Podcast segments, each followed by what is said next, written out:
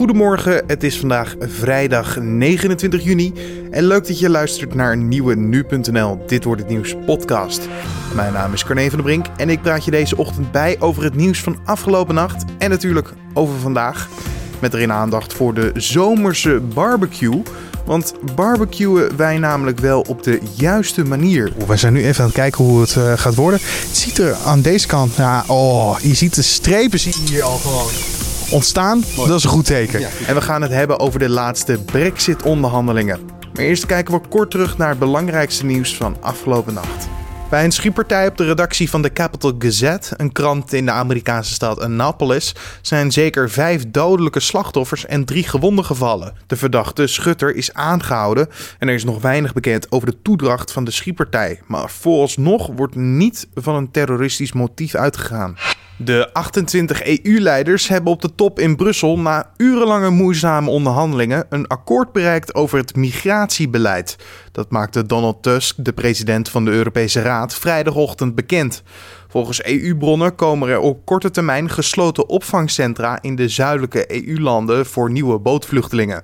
In de centrale wordt bepaald welke vluchtelingen recht hebben op asiel en wie niet. De rechtmatige asielzoekers worden over andere EU-landen verspreid. Ze gaan alleen naar landen die bereid zijn ze op te nemen. De staat betaalt voor een groter deel mee aan 6000 oude schadegevallen door de aardbevingen in Groningen dan aanvankelijk werd gedacht. In een marathondebat over het beëindigen van de gaswinning meldde minister Erik Wiebes van Economische Zaken dat deze gevallen onder een nieuw akkoord met de NAM en haar aandeelhouders Shell en Exxon vallen. Oppositiepartijen tonen zich daarop boos en ook geschokt. En dan kijken we naar wat voor dag het vandaag gaat worden, oftewel dit wordt het nieuws. Al een aantal dagen kunnen we genieten van het zomerse weer. Bij dit weer horen een aantal punten. Denk aan luchtige kleding, verfrissende drankjes en natuurlijk ook een mooie barbecue. Alleen barbecuen wij wel goed op dit moment? Of moeten we nog veel dingen aan onze eigen techniek aanpassen? Ik ging gisteren langs bij Harm Scholten van Meer Barbecue om precies te horen wat we met z'n allen nou echt moeten afleren of wat we juist allemaal perfect doen. En dan kan je zeggen, de barbecue ging ook heel even aan. Harm, ik, uh, ik zie hier een mooie barbecue staan. Uh, gaan we barbecuen? Jazeker, we gaan zeker barbecuen. En wat gaan we erop leggen? We gaan een uh, mooi stuk ribeye maken. Ik zou zeggen, ja, ik zou zeggen doe de, de deksel er, eraf. En het is een mooie, grote barbecue. Een keramische, hoe zeg je dat? Een keramische barbecue. Kijk, ja. ik, ik heb in ieder geval kennis bij me. En hier, voor alle nu.nl luisteraars, komt het vlees op de barbecue. Zo, ondertussen sist dat lekker door. De deksel gaat er op. En dan kan jij me even vertellen, Harm. Uh, ik ben iemand, ik koop een uh, goedkoop uh, ja. En dat zet ik dan neer. En uiteindelijk hoop ik met snel vlees erop te leggen dat er iets moois uitkomt. Uh, maar ik denk niet dat dat de juiste manier is. Zijn er veel ja, misschien negatieve kanten van het barbecue die heel veel mensen overnemen? Uh, negatieve kanten, ja, of het zo noemen weet ik niet. En mis, misschien dat het beter kan, hè, laten we het zo maar noemen. Uh, ja, wat je veel ziet is dat zeker mensen, uh, waar we van oudsher natuurlijk al heel veel mee barbecue met gewoon een normale eierbriketten aan de gang gaan. Dat is, dat is op zich prima. Alleen als ze dan eenmaal heet zijn, hè, wat we netjes doen in de schoorsteentjes of we het geleerd hebben. Ze wit heet zijn, dan worden ze overgegooid in een barbecue. En dan willen mensen vaak meteen aan het barbecue slaan. Um, dat gaat bijna niet, want dan zijn ze zo heet. Dat je eigenlijk alles wat je in de buurt van die briketten legt gelijk verbrandt. Dus dat, dat zou je bijvoorbeeld niet moeten doen. Nou, wat ik denk op dat moment, je moet al een half uur wachten op minst. Om het een beetje uh, ja, wit te laten worden. En dan moet je uiteindelijk nog wachten op het moment dat ze in de, in de barbecue zitten. Ja, maar, dat, dat klopt. En daarom hebben heel veel mensen ook het idee als ze gaan barbecuen met briketten. En uiteraard, ook wel met houtskool willen, dat dat heel lang duurt. Nou ja, bij houtskool is het mooie ervan. Die kun je aansteken en eigenlijk meteen gaan grillen. Zodra ze een beetje branden, kan je ze gelijk gaan gebruiken. Oeh, we zijn nu even aan het kijken hoe het uh, gaat worden. Het ziet er aan deze kant, ja, oh, je ziet de strepen zie je hier al gewoon ontstaan. Mooi. Dat is een goed teken. Ja, goed uh, maar het is wel dat je natuurlijk, je moet de tijd ervoor nemen. Maar over hoeveel tijd hebben we het er nog dat je het moet laten rusten? Uh, het hangt er een beetje vanaf hoeveel je erin gegooid hebt. Kijk, gooi je die hele barbecue helemaal vol. Ja, daar zou je toch wel een minuutje of uh, 30 moeten wachten voordat het een klein beetje afgekoeld is. Maar doe je het voor de helft, dan, ja, dan heb je een minuutje of nou, zijn 10, 15 wel genoeg dat ze een beetje hè, min, minder hard fel branden. En dat je rustig kan gaan beginnen. Ja. En zijn er bijvoorbeeld ook nog tips die je kan geven over de manier waarop je het vlees neerlegt? Uh, met bepaalde posities? Moet je altijd ruimte overhouden? Is, er daar nog een regel voor? Nou, een regel is er niet voor. Het is alleen wel handig als, als je zeg maar wat ruimte hebt voor direct grillen hè, boven het vuur en het indirect grillen. Dat je een, een, een, wat dikker stuk vlees, of een vlees wat wat langer tijd nodig heeft, ook even weg van je vuur kan leggen. Of weg van je briketten of van je houtskool. Zodat het niet verbrandt, maar wel gaar gaat worden. En vergeet daarbij ook niet de deksel. Hè. Die, die heb je wel zeker nodig. Heel veel mensen denken dat die voor de winterstalling is. Dat is niet helemaal waar.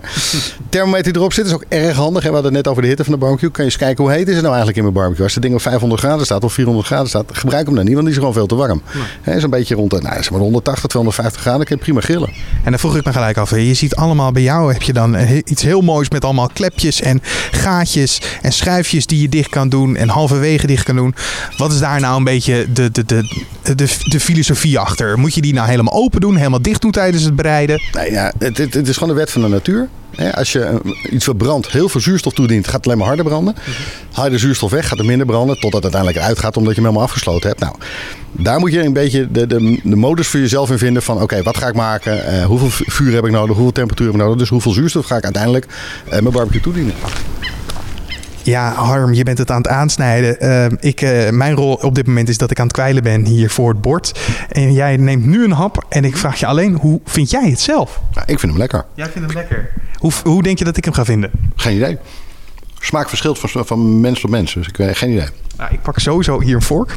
Dat, uh, kijk, en dan gaan we nu eentje. Hij is goed rosé. Hij is niet te doorbakken en daar ben ik ook zelf geen fan van. En mooie met podcasten, met radio. Het is natuurlijk alleen maar geluid. Dus het smekken in 3, 2, 1.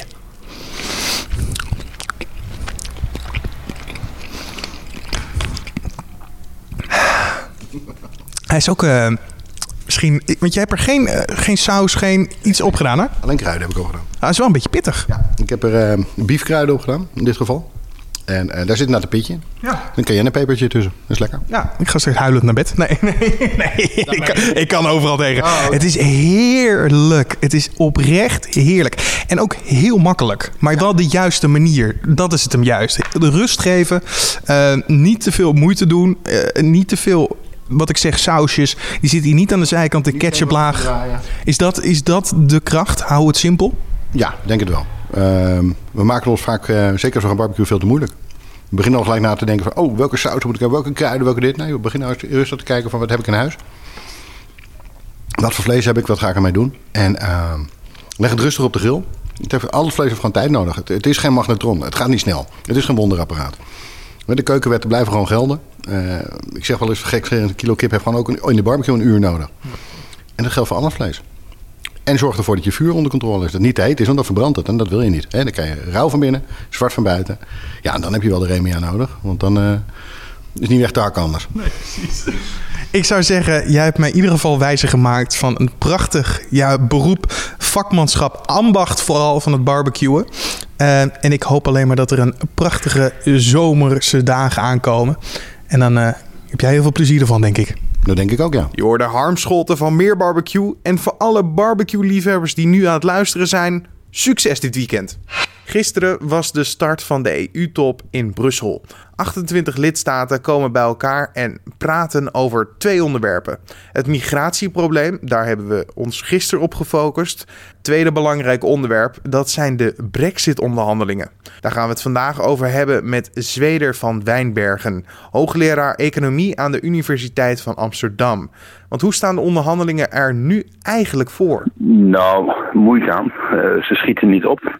En de deadline begint nu wel heel dichtbij te komen. Dat is maart volgend jaar. Ja, want wat zijn op dit moment dan die hang, hete hangijzers in het onderhandelingsproces? Nou, uh, er spelen eigenlijk twee blokken. Die, uh, een van de problemen is dat die de een moeilijk zonder de ander op te lossen is.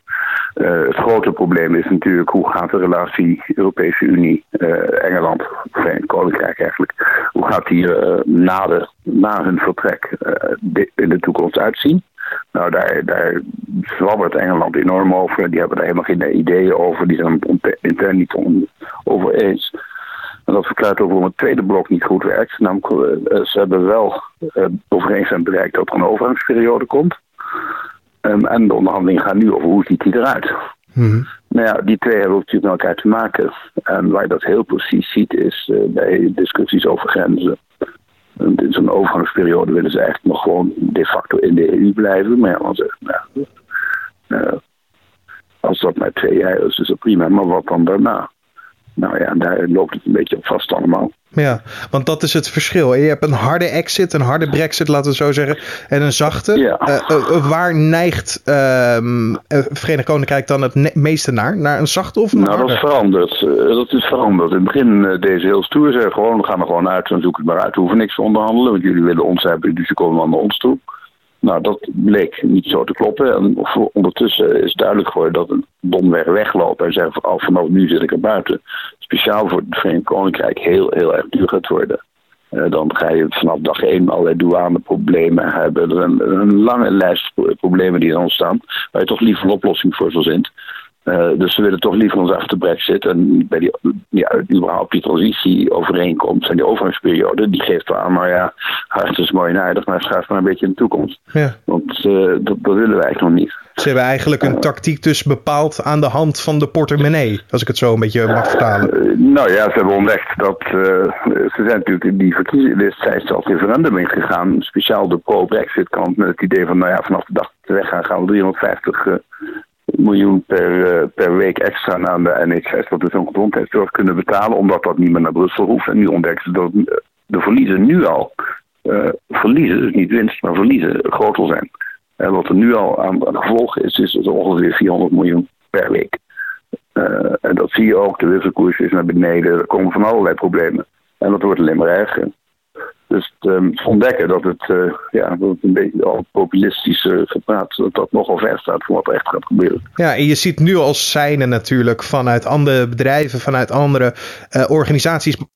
Nee, bijvoorbeeld de grootste aandeelhouder van de luchthaven Heathrow is verhuisd nu naar Amsterdam voor de voorbereiding op de brexit. Het, de directeur van de Rotterdamse haven zegt dat we ons beter moeten voorbereiden op de brexit. Is er zicht op wat, voor, wat het voor Nederland allemaal gaat betekenen in de toekomst? Ja, voor ons, nou Engeland is onze tweede handelspartner naar Duitsland. Dus dat maakt nogal wat uit. Um, voor ons meer dan voor de rest van Europa. Kijk, voor de Europese Unie als een geheel is Engeland ja, niet onbelangrijk, maar ook niet extreem belangrijk. En Engeland is natuurlijk uh, vele malen kleiner dan de Europese Unie qua omvang. Dus het is, de lasten zullen vanavond bij Engeland neervallen. Maar ja, Nederland is een heel klein, open land. Wat nou ja, toch zo'n uh, 20% van zijn export gaat naar, uh, naar Engeland. Alleen Duitsland zit nog groter. Bestaat er eigenlijk nog een kans dat deze onderhandelingen gaan klappen bijvoorbeeld? Nou ja, gaan klappen betekent een harde exit. Kijk, het is natuurlijk altijd moeilijk te voorspellen, want beide partijen spelen natuurlijk een beetje, zoals dat in Nederlands heet, een game of chicken. Wie geeft het eerste toe? Um, en er is toch een beetje een traditie van alles binnen de Europese Unie lijkt te mislukken. En dan één minuut voor, voor twaalf zetten de klok stil. Gaan ze nog acht uur door en dan lukt het net wel. Alleen, dit zijn enorme complexe onderhandelingen. Het is niet een kwestie van uh, nou, wie geeft toe op een simpele vraag. Uh, er moeten heel veel afspraken gemaakt worden. Uh, en die, dus dat is niet zo makkelijk op te lossen met zo'n brinkmanship verhaal van, maar ja, we spelen een beetje hard to get en vijf minuten voor twaalf gaan we toegeven. Want er moet gewoon zoveel geregeld worden. En als je niet weet hoe het na de regeling eruit ziet, dan kan dat niet. Dus um, nee, dit is allemaal ja, ja, een beetje een weerspiegeling van de incompetentie aan de Engelse kant. Een weerspiegeling van de interne verdeeldheid. Ik denk dat ondertussen de meerderheid van de bevolking het al lang niet meer wil, maar niemand durft de stap terug te zetten. En ze zitten een beetje onderlinge ruzies uit te vechten. In plaats van goed na te denken over hoe ze nou precies de relatie met de Europese Unie moeten vormgeven. Je hoorde Zweder van Wijnbergen, hoogleraar economie aan de Universiteit van Amsterdam. En dit gebeurt er verder vandaag nog. Vandaag begint het hoge beroep tegen Mark de J. na zijn veroordeling voor de moord op Koen Everink op 3 maart 2016 in Beeldhoven. Mark de J. heeft altijd ontkend betrokken te zijn geweest bij de dood van zijn vriend. Hij was in de woning van Everink, maar werd bij vertrek ontvoerd door drie mannen die volgens hem verantwoordelijk zijn. De J werd eerder veroordeeld tot 18 jaar cel. Nou kijken we waar onze collega's vandaag over schrijven. Gevangenispersoneel wordt regelmatig geschopt, geslagen, bedreigd of gediscrimineerd. Dat blijkt uit een intern politieonderzoek van het ministerie van Justitie en Veiligheid dat door het AD is opgevraagd. Door werkdruk en onderbezetting vrezen veel cipiers voor hun veiligheid. Bijna een derde van het gevangenispersoneel werd het afgelopen jaar geslagen, getrapt, bespuugd of vastgegrepen. Ruim een kwart werd bedreigd, gechanteerd of geïntimideerd. Tweederde werd uitgescholden, vernederd, geteisterd of gepest. Bijna 1 op de 10 cipiers kreeg te maken met seksuele intimidatie. Zowel de onderwijsinspectie als de schoolleiding van het VMBO Maastricht, waar vorige week 354 eindexamens ongeldig werden verklaard, was al in november 2016 op de hoogte van de problemen rond de schoolexamens. Dat blijkt uit correspondentie tussen ouders, de schoolleiding en de onderwijsinspectie, die in bezit is van de Volkskrant. De ouders van zeker 15 leerlingen hebben toen meerdere klachten ingediend bij de school, waarin ze signaleerden dat scholieren achterliepen op het officiële programma van het schoolexamen. De klachten zijn ook bij de onderwijsinspectie beland, maar die heeft daar onvoldoende mee gedaan. En dan nog even het weer. Het is vandaag opnieuw zonnig. In het noorden is er in de ochtend kans op lage bewolking die vooral op de Wadden hardnekkig kan zijn. Het wordt 21 graden op de Wadden en 25 tot 28 graden landinwaarts. En er waait een matige tot vrij krachtige noordelijke wind vandaag. En dan nog dit. Fans van Indiana Jones moeten mogelijk langer wachten op de vijfde film over de avonturen van de bekende archeoloog en avonturier. Volgens filmstudio Disney hebben de opnames vertraging opgelopen door een conflict over het script. Gevreesd wordt dat de première, die gepland stond voor juli 2020, met een jaar moet worden uitgesteld. Hoofdrolspeler Harrison Ford en regisseur Steven Spielberg blijven wel bij de film betrokken. Dit was dan de Dit wordt het nieuws podcast voor deze vrijdag 29 juni. Je vindt de Dit wordt het nieuws podcast natuurlijk elke maandag tot en met vrijdag om 6 uur ochtends op de voorpagina van nu.nl of via je desbetreffende podcast app, zoals Pocketcast, Google Podcast of Spotify. Vind je dit nou een fijne podcast of heb je voor ons feedback? Laat het ons weten via een recensie op iTunes of een mailtje naar redactie.nu.nl. Ik wens je voor nu een mooie dag, een mooi weekend natuurlijk en dan tot maandag.